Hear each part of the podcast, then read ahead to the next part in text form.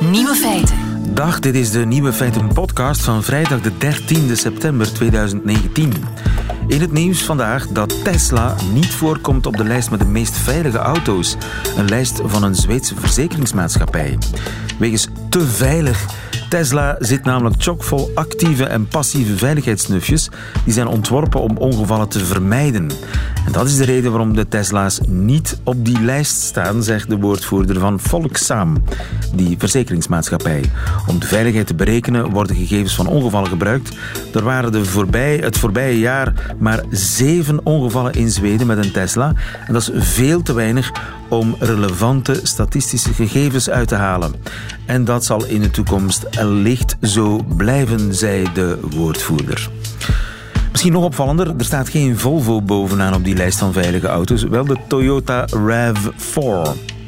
De andere nieuwe feiten vandaag. Vannacht zijn de Ig Nobelprijzen uitgereikt in Amerika. Onder meer een onderzoek naar de teelbaltemperatuur bij postbodes viel in de prijzen. Volgende week wordt de Congolese president in ons land met alle egaars ontvangen. En dat is ook alweer twaalf jaar geleden. En Sander van Horen, de Nederlandse journalist in Brussel, die denkt dat salafisten makkelijker in België dan in Nederland ondergronds kunnen opereren. De nieuwe feiten van Bart Peters hoort u in zijn middagjournaal. Veel plezier. Nieuwe feiten. Voor de echte Nobelprijzen is het nog wachten tot oktober, maar eh, veel amusanter en nauwelijks minder belangrijk zijn de Ig Nobelprijzen.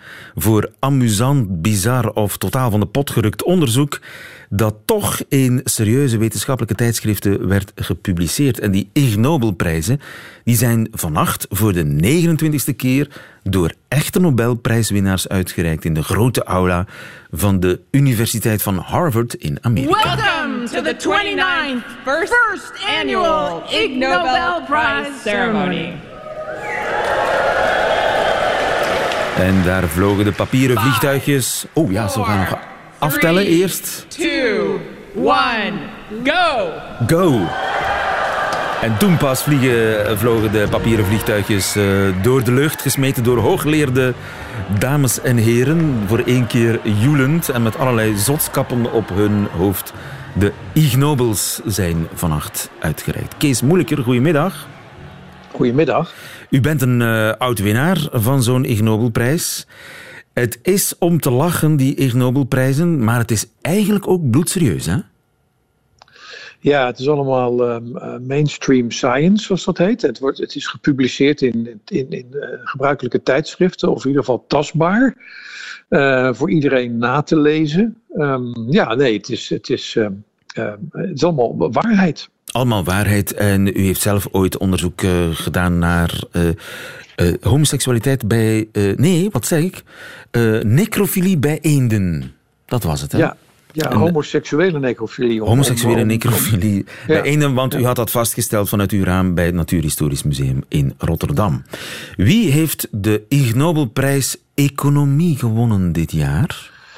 Ja, dat is een, een feestje voor Nederland. Het gaat om microbiologen van ehm, de Universiteit van Nijmegen, die eh, eh, getest hebben ehm, eh, welk papiergeld, en dan met name het nationale papiergeld, het beste gevaarlijke bacteriën overbrengt. En ja, ze hebben dus een, een, een, een, ehm, ja, bankbiljetten genomen van, van verschillende landen, die eerst gesteriliseerd en daarna geïnfecteerd met, eh, met eh, drie soorten bacteriën: poepbacteriën, MRSA-bacteriën en nog een akelige bacterie. En, en dan maar kijken of ze daarop eh, weten te gedijen en hoe lang. En, En, eh, nou welk biljet is het meest geschikt voor eh, ja, infecties? Ja, je kan het beste de Roemeense, eh, de Roemeense bankbiljetten, die kan je het beste maar niet aanpakken. Die bleven echt eh, heel lang en met alle drie de bacteriën overwoekerd. En wat En, is het eh, properste bankbiljet? Ehm, de, de Indiase roepie tegen verwachting in. Hmm. Eh, ik weet niet of je wel zo'n zo'n eh, vodje in je handen gehad hebt, maar dat is echt, dat, dat, Ja. dat, is, dat is bijna niet te beschrijven, maar die blijken toch kiemvrij te zijn, grotendeels. En, de, de, en vooral de crispy Amerikaanse dollarbiljetten, die zijn volgens Andreas Vos en co-auteurs het, het smerigst. Het smerigst. Ja, ze wekken, ze wekken de schijn van schoon, maar er zit dus de gevaarlijke MRSA-bacterie op. Ja, geld is soms vuil. De Ig Nobelprijs Geneeskunde, naar welk onderzoek is dat gegaan? Ja, dat is een, een Italiaan, uh, Silvano Gallus. Die heeft de geneeskundeprijs gewonnen voor het verzamelen van het bewijs dat pizza kan beschermen tegen ziekte en dood, mits de pizza in Italië wordt gemaakt en gegeten. Juist ja, en dat is echte wetenschap. Ja, dat is echte wetenschap, ja. Ja, ja. ja dat is natuurlijk een, een, een lange discussie. Um, uh, wat zij in ieder geval hebben aangetoond is dat um, um, mensen die uh, in Italië veel pizza eten, dat die over het algemeen beter beschermd zijn tegen akelige ziekten zoals kanker en hart- en vaatziekten. Um, en dat wil niet zeggen dat dat direct gerelateerd is aan het eten van de pizza, maar ook uh, de meer mediterrane levensstijl en het mediterrane dieet ja. met zich meedraagt. Oké, okay, de Nobelprijs Chemie. Chemie, ja, dat is een um, Japanner, Shigeru Watanabe. Ja? Die heeft uh, nu eindelijk eens een keer voor het eerst het totale speekselvolume dat een vijfjarig kind per dag produceert Mhm. vastgesteld. En het grappige is, hij verscheen eh, gisteravond eh, met zijn drie zonen, zijn drie volwassen zonen, op het toneel. En die drie volwassen zonen, die waren eh, 35 jaar geleden zijn proefpersonen. Het gaat om En, zo eh, oud onderzoek. Ja, dit is uit 1988. En, eh, en de, ehm, de, de conclusie is dat het eh, een vijfjarig kind ehm, een, eh, ongeveer een halve liter speeksel produceert. Per En dag. dat is per dag, ja, ja, ja. ja. Half liter speeksel per dag voor een, Ja. eh, een kleuter. Of wa- hoe oud was de, de, de vijfjarige? Vijf, vijf, Vijfjarige. vijfjarige, ja, Er is ook een. Ig Nobelprijs voor de vrede uitgereikt. Dat vind ik wel eh, bizar. Ja, die is uh, gaan naar een, een groep wetenschappers uit Engeland, Saudi-Arabië, Singapore en de Verenigde Staten. En die hebben een poging ondernomen om de plezierigheid van het krabben bij jeuk te meten. Ja, Oké. Wat Ja, zijn de, de, leukste plekken om te krabben? Waar doe je het Nou, het meeste deugd? Ja, het- het- je hebt er het meeste plezier van. Het is het lekkerst om te jeuken aan je enkel.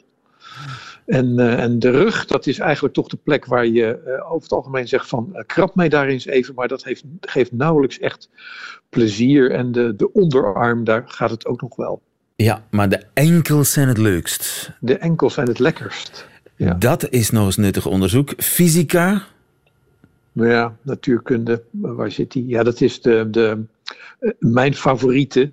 Ehm, ja, dat is een, een internationaal team van eh, biologen en natuurkundigen. Die hebben onderzocht hoe en waarom wombats vierkante drollen produceren. dat onderzoek wombat. hebben wij behandeld in Nieuwe Feiten toen het eh, Kijk. verscheen in... Kijk, Nou ja, wij hebben, mis- dat, dat was ook onze favoriet, meneer Moeilijker. Nou, kijk, dan, dan ziet u maar. Nou ja, wij krijgen jaarlijks tussen, de, tussen de 7 en 9000 nominaties binnen. Eh, en dat zijn natuurlijk heel veel. Er valt ook heel veel af, maar heel veel blijft natuurlijk gewoon liggen. En eh, ja, deze die, die stak er inderdaad, eh, wat mij betreft, als jurylid met de kop en schouders bovenuit. Ja. De, de, En het ja, ging over de, de kubusvormige drolletjes van de wombat en hoe Ja, die wombat, dat klaarspeelt. Ja, want er is natuurlijk altijd gedacht dat ze een vierkante anus hebben. Maar dit is natuurlijk, dat is natuurlijk klinkklare onzin. Het zit, de, de, de, de kubusvormige drollen worden eh, inwendig geproduceerd in het laatste stukje van de darm. waar is erg droog, eh, waar, de, waar de ontlasting erg uitdroogt. En waar de elasticiteit van de, van de einddarm eh, variabel is. En juist door die variabiliteit in elasticiteit kunnen die, ehm, die vierkante drollen ehm, geproduceerd Ja, worden. En dat is bi- bijzonder interessant natuurlijk ook voor de industrie om op een bepaalde manier blokken te maken. Precies, ja. Er wordt altijd gedacht van dat moet je mechanisch doen. Eh, maar dat kan dus ook met, eh, met meer vloeibare materialen. Ja, dat is heel slim. Leren we van de wombat. Nog eentje, tot slot. Anatomie, de Ig Nobelprijs Anatomie. Naar Ja. welk onderzoek is die gegaan? Twee Franse eh, artsen, twee Franse artsen hebben het voor elkaar gekregen om nu eindelijk eens te meten ehm, ehm, hoe ongelijk de scrotumtemperatuur is. En ze hebben dat gedaan bij naakte en geklede Franse postbodes. Juist. Ja. De temperatuur van de, de, de ballen. Van de teelballen, de teelballen ja. En, ja, dat, wat blijkt? Nou, de, even opletten, dat is, het ligt heel erg het ligt in de details. Uh, links is warmer. Um, maar het maakt wel uit of je naakt of gekleed bent en hoe je, hoe je positie is. sta je met de benen uit elkaar, dan helpt dat natuurlijk om de temperatuur te laten dalen. Ja. En um, ja, en het, het, um, ja, het is nu, er is altijd, altijd onduidelijkheid over geweten. Of, of er nou verschil is tussen links en rechts. En dat is nu, nu echt uit de wereld geholpen. Dat is nu bewezen. Ja. Het gaat natuurlijk om de toepasbaarheid hiervan. En dat is uh, dat het natuurlijk kan helpen bij vruchtbaarheidsonderzoeken. Juist. Ja, ja. Dus de linkerteelbal is het warmste. Is het warmste Als je ja. kleren aan hebt, zo is vastgesteld bij Ja. Franse postbodes die werkelijk nergens voor terugdeinzen om Ja. zich in te zetten voor een betere wereld. Ja, en ook, en ook nog bij, bij Franse buschauffeurs. Oké. Die, die eh, langdurig zitten. En daar, eh, daar zie je de temperaturen echt eh, uit. eh, Dat daar zie je de piekt. temperaturen omhoog schieten. Ja. Ja. Ja. Kees Moeilijker, dankjewel. Nieuwe feiten.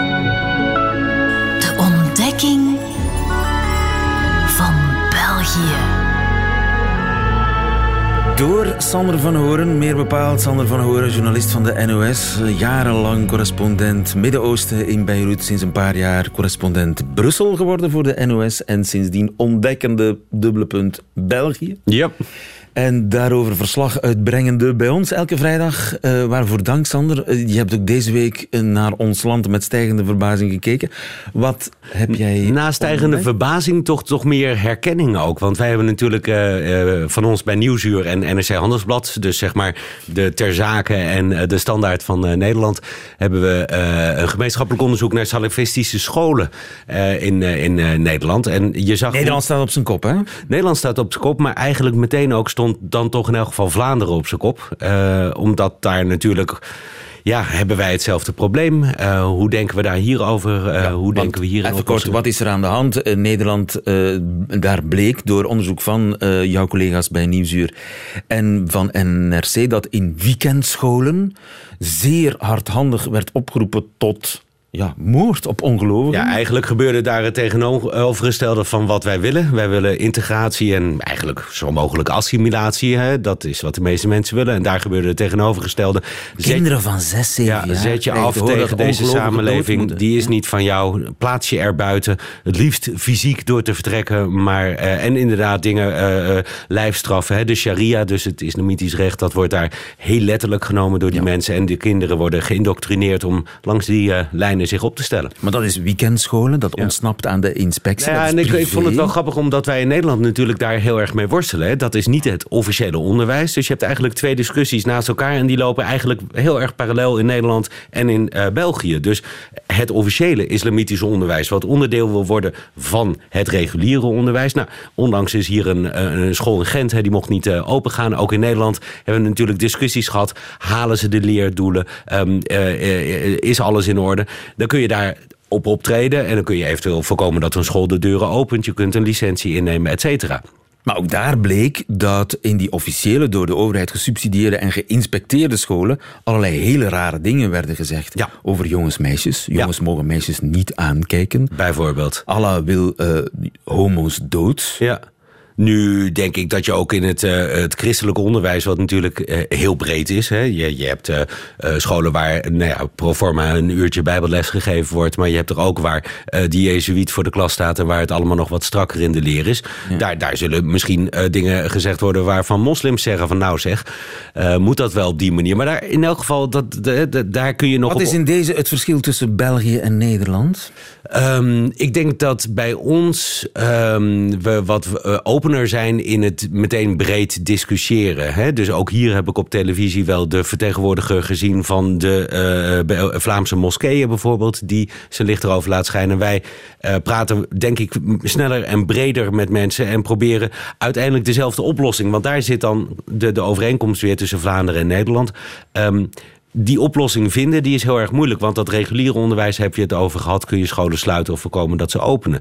Dan heb je ook nog de erkende uh, moskeeën... waar natuurlijk ook les gegeven wordt. Nou, hebben we in Nederland ook al verslag over gedaan. Maar heb je ook hier natuurlijk in het Jubelpark... Hè, de grote moskee. Wat wordt daar gepredikt? Wat wordt daar op zaterdag aan onderwijs gegeven? Daar heb je ook nog enige zicht op. Alleen het probleem is dat in Nederland in elk geval, dit zich voor een deel ook daar weer aan onttrok. misschien heb je de beelden gezien in de reportage van Nieuwsuur... dat onderwijs, die, die, die teksten, die werden uiteindelijk gegeven... in een of ander onooglijk schuurtje bijna... in een woonwijk waar je waarschijnlijk normaal gesproken niet doorheen komt. En dat waren mannen die zich hadden afgescheiden van een moskee... die zij te gematigd vonden. En dat vind ik het lastige aan de discussie. En die komt ook hier in België, merk ik toch wel, ook weer, wordt die goed gevoerd je kunt en dat is het pleidooi natuurlijk van officiële uh, moskeekoepels. Je kunt um, toezicht toelaten. Je kunt moskeeën erkennen, is het pleidooi dan. Het uh, zaterdagonderwijs daar erkennen. En dan vervolgens daar toezicht op houden. Maar daarmee los je dit probleem niet op. Want dan zul je zien dat hè, dat onderwijs meer mainstream wordt, want er wordt meegekeken. En dat dus een aantal radicalen uh, zich daar weer van afscheidt. En ja, ik heb het in het buitenland meegemaakt. Ik bedoel, uh, wij organiseerden natuurlijk Nederlandstalig onderwijs voor onze kinderen. Nou, in Israël, waar ik gewoond heb, dan gebeurde dat op een wat grotere schaal. Want er waren meer Nederlandse kinderen. Had je een, uh, uh, een Nederlandse school op zaterdag, nota bene. Hè? Dus dat is eigenlijk, mag dat helemaal niet, want, want zaterdag is daar de officiële rustdag. Dus, um, en en daar, daar leerden we over Sinterklaas. En daar leerden we allerlei dingen waar misschien uh, uh, de orthodoxe Joden over zouden fronsen. Ja. En dus- wij leerden uh, in Libanon, waar ik ook gewoond heb, deden we dat meer zelf. Want dan was de Nederlandstalige gemeenschap niet zo groot dat je dat zelf kon organiseren. Dus daar gebeurde het letterlijk in de huiskamertjes. En ik weet niet, ik zal best op een vraag van mijn kinderen wel eens gezegd hebben: uh, je, natuurlijk moet je geen hoofddoek om. Dus ik deed eigenlijk in Beirut... hetzelfde, maar andersom. En natuurlijk eh, appels en peren en er zijn allerlei gradaties. Maar wanneer wordt het schadelijk? Op het moment dat, en dat zat in die nieuwsreportage... op het moment dat iemand zegt... je moet geen vakkenvuller willen worden... want hier in België betekent dat dat je bier en varkensvlees in vakken moet zetten. Ja, prima. Ik bedoel, van mij is dat nog geen rode lijn. Ik bedoel, iets vergelijkbaars zal ik misschien in Libanon ook tegen mijn kinderen gezegd hebben. Jongens maar dan mogen meisjes niet aankijken? Nou ja, en dan inderdaad uh, uh, uh, een juffrouw hier in België... Hè, zat in een van de uitzendingen van de VRT... die wordt aangesproken door de kinderen die op zaterdag... naar die indoctrinatieschool zijn geweest. En die op maandag wordt aangesproken over het feit... dat ze lippenstift aan op heeft en een wat te kort rokje aan heeft. Ja, dan ben je dus wel een grens overgegaan. Maar nogmaals, het interessante aan de discussie, en ik hoop dat die in, in, in België net zo gevoerd wordt als in Nederland, is ja, je kunt dus ervoor zorgen dat je toezicht gaat krijgen op dat onderwijs in die huiskamers. Maar dan nog zul je zien dat dat dus niet radicaal genoeg is voor sommige mensen. En dat dat uh, dus zich ondergronds verplaatst. En dan denk ik dat België daar misschien nog wel een groter probleem mee heeft dan in Nederland. Want als je maar kijkt naar IS en dergelijke, Sharia voor Belgium. Um, op een of andere manier, en ik heb er nog altijd geen vinger op kunnen leggen, dus misschien kun je me helpen, maar op een of andere manier heb ik het idee dat dat ondergrondse jihadisme uh, uh, hier groter is dan in Nederland. Ik bedoel, België was hofleverancier van, per, per hoofd van de bevolking, Europees gezien, van jihadisten naar islamitische staat dat is denk ik dezelfde voedingsbron als de mannen die zich afscheiden van de meest radicale moskee zelf en het dan zelf maar gaan organiseren. Ja. En, Ondergronds gaan is misschien makkelijker in België dan in Nederland. En België heeft nog een groot nadeel. Je zult toch ook wel uh, zien, hè, Abdeslam de, de, de, bewoog zich allemaal een beetje in diezelfde Brussels en Waalse kringen. En het debat in Vlaanderen wordt onder invloed door het feit dat dit uh, door uh, uh, N-VA en Vlaams Belang een wat rechtser georiënteerd deel is van het land, wordt dit debat hier hard gevoerd. Ik ben het in Wallonië nog niet op deze manier tegengekomen. Ze kijken daar ook niet naar het nieuwsuur natuurlijk. Nou ja, ze hebben daar andere prioriteiten. Daar zie je als er in, uh, in nieuws, daar, daar lopen ze weer helemaal leeg over het feit dat in de nieuwe Europese Commissie uh, de uh, commissaris die bezig, zich bezig gaat houden met asiel en migratie, dus zeg maar de Theo Franke van de Europese Commissie, die heeft als officiële titel de commissaris ter bescherming van de Europese manier van leven meegekregen. Nou, daar zie je aan de Waalse. En dat is wel een probleem, want dit kun je alleen maar, sorry, het is vloeken in de Vlaamse kerk, ik weet het, dit soort dingen als dit, deze manier van onderwijs, indoctrinatie van jonge kinderen kun je alleen maar federaal oppakken.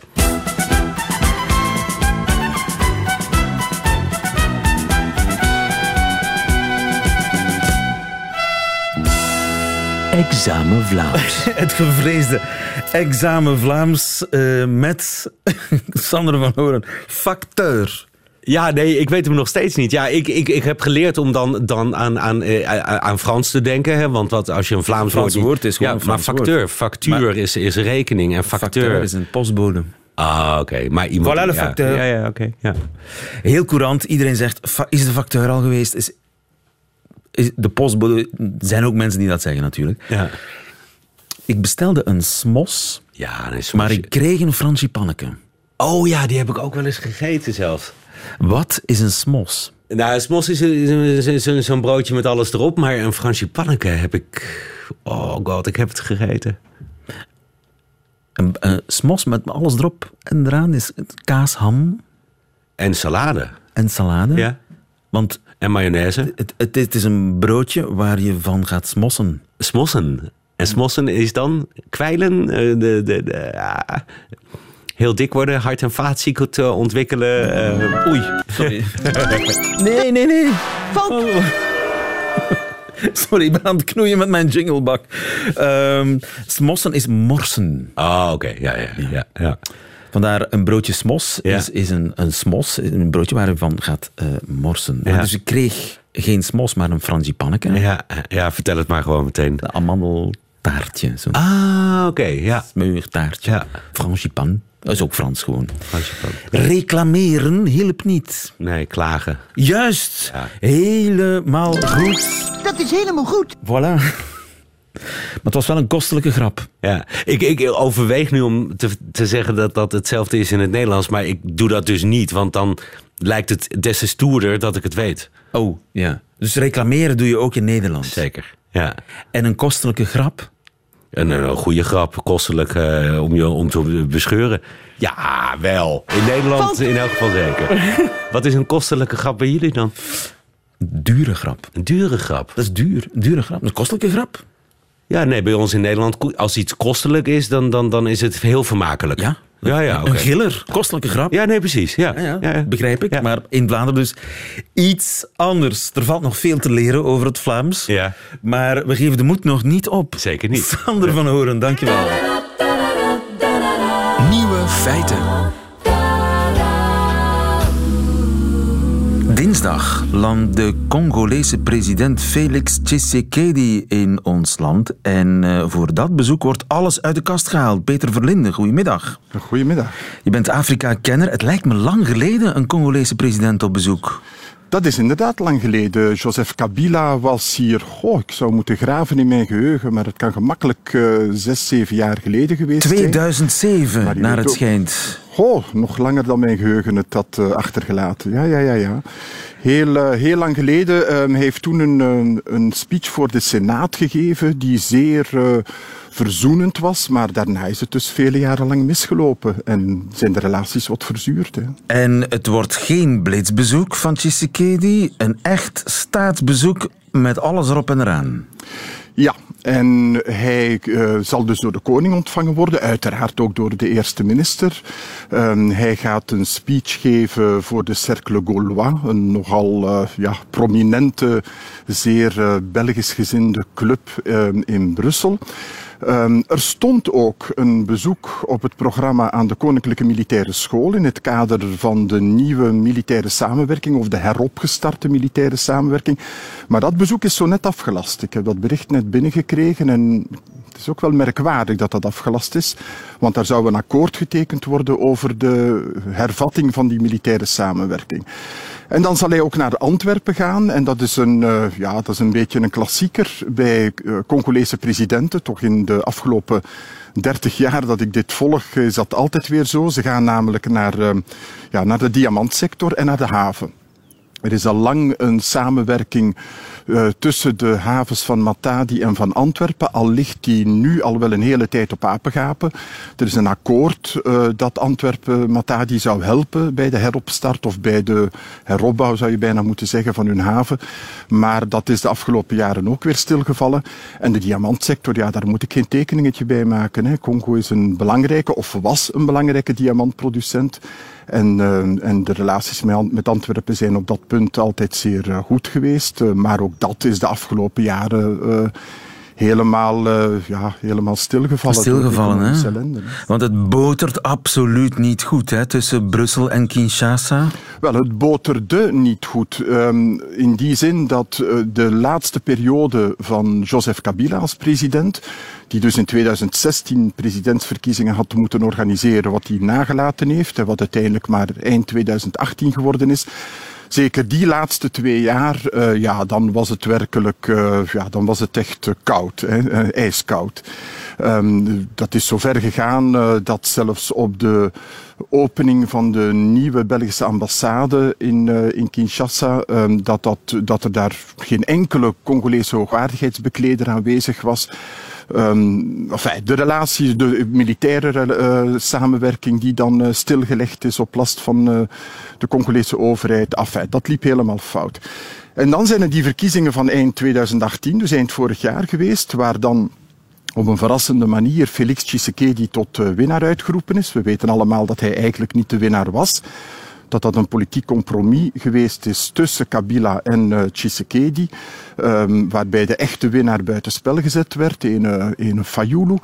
Uh, maar die overwinning tussen aanhalingstekens van Felix Tshisekedi is dan toch wel, aanvankelijk met wat lange tanden, maar dan toch wel uiteindelijk door het Westen aanvaard, ook door België.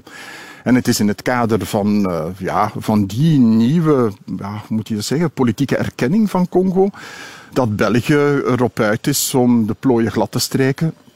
Zoals we de afgelopen 50 jaar geregeld, of bijna 60 jaar intussen, geregeld hebben meegemaakt. Dan weer ruzie en dan worden de plooien weer gladgestreken. Ja. En wat zit daarachter, achter deze ja, eh, erkenning van Tshisekedi?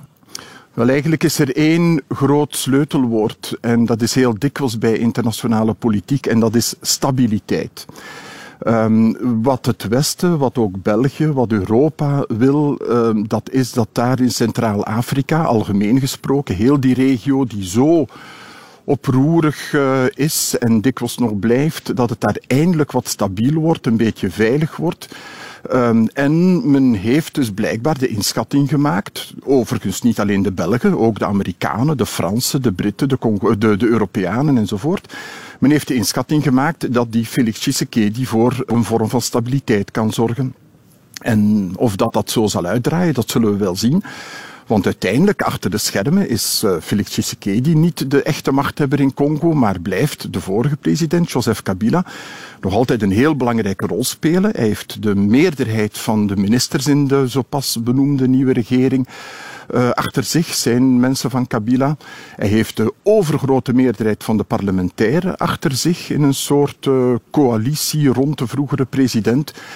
En uh, ja, dan zullen we zien of dat die machtsstrijd tussen Tshisekedi en Kabila, waar dat al op uitdraait, en of dat dat uiteindelijk niet toch weer tot onstabiliteit zal leiden. Hmm. Maar Europa rekent er blijkbaar op dat het voorlopig rustig blijft. En jij klinkt alsof je er absoluut niet in gelooft, Peter. Wel, kijk, ik ben er natuurlijk misschien al net iets te lang mee bezig om, uh, om telkens weer. Bijvoorbeeld, neem nu die eh, hernieuwde militaire samenwerking. Hè. Um, dat zat eraan te komen. Er is zoveel gebeurd. Er zijn uh, Congolese bataljons de afgelopen jaren opgeleid door Belgische militairen, ter plaatse trouwens, in Kananga en in Kindu onder meer. En wat zie je dan na enkele maanden, jaren, zie je dan dat die goed opgeleide bataljons zich toch weer te buiten gaan aan, aan plunderingen, aan, aan, aan ja, mensen onderdrukken en nog erger. Ehm, overstappen naar rebellengroepen en ga zo maar door. Ja, het structurele probleem in Congo is zo immens groot. Het is een probleem van, van wanbeleid, van geen controle op de, op de middelen van de staat, rijkdom van de staat. Er is nu weer een nieuw, zeer uh, vreemd verhaal over 15 miljoen dollar die uit de kas zou ge, ge, gehaald zijn, gestolen zou je kunnen zeggen door de kabinetchef van de president. Uh, dat is allemaal natuurlijk niet officieel bewezen, maar bon, zelfs de Congolese overheidsdiensten zijn daarmee bezig. Ik, ik, denk dat er veel fundamentelere wijzigingen in Congo uh, nodig zijn aan het politiek bestuur, aan controle op de machthebbers. Uh, als je al begint met een niet verkozen president te erkennen, zoals dus België, maar ook Europa, Amerika, de hele wereld intussen gedaan heeft, ja, dan legitimeer je eigenlijk de, de, de corruptie in het land. Dan ga je eigenlijk zeggen, doe maar voort en, en, en we knijpen onze ogen dicht. En dan betekent dat ook dat diegenen die dan aan de macht komen, in dit geval Felix Tshisekedi en zijn entourage, ja, dat die natuurlijk ook het gevoel hebben dat ze zich heel veel kunnen veroorloven. En of dat op termijn goed zal uitdraaien voor de gewone Congolezen, daar heb ik uiteraard mijn allergrootste twijfels over. Peter Verlinde, dankjewel. Goedemiddag. Nieuwe feiten. Middagjournaal. Het is vrijdag dan heb je de neiging om te zeggen: dit was de week van. Ik zeg natuurlijk: dit was de week van het female empowerment.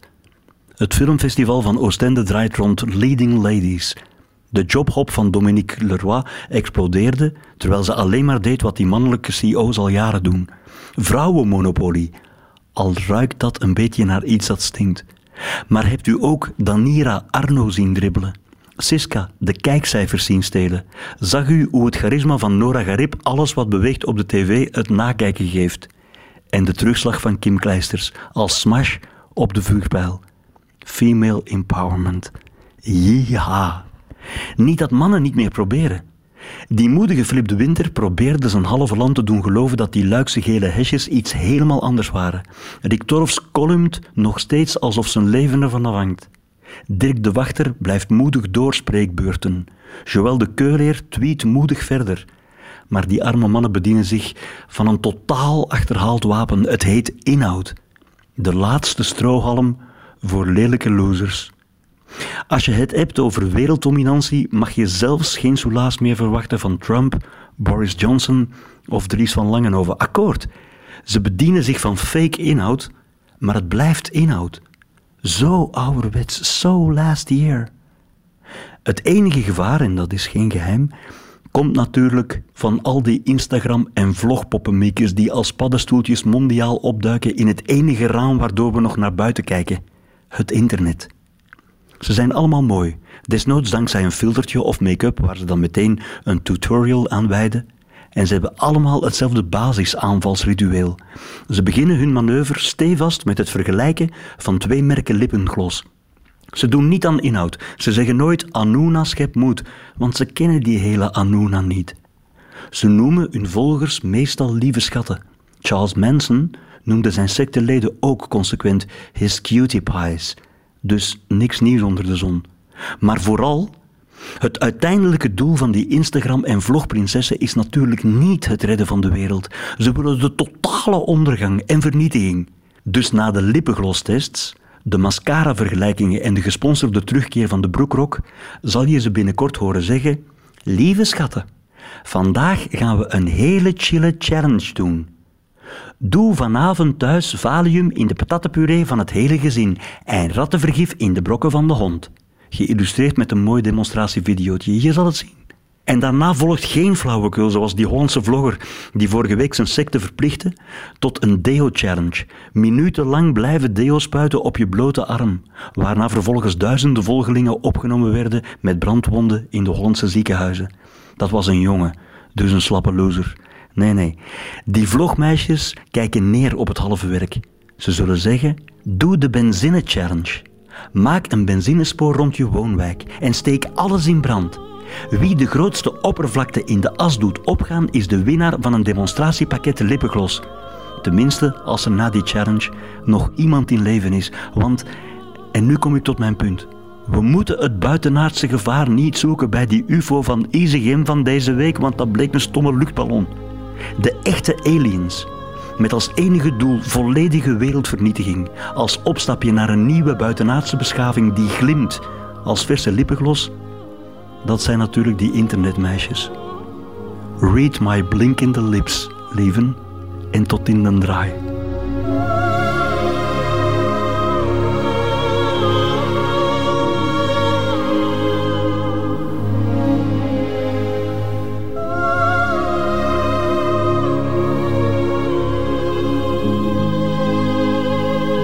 Middagjournaal met Bart Peters. Einde van deze podcast. Hoort u liever de volledige uitzending met muziek erbij? Dat kan via onze website en via de app. Je vindt er ook veel meer prettige podcasts. Tot volgende keer.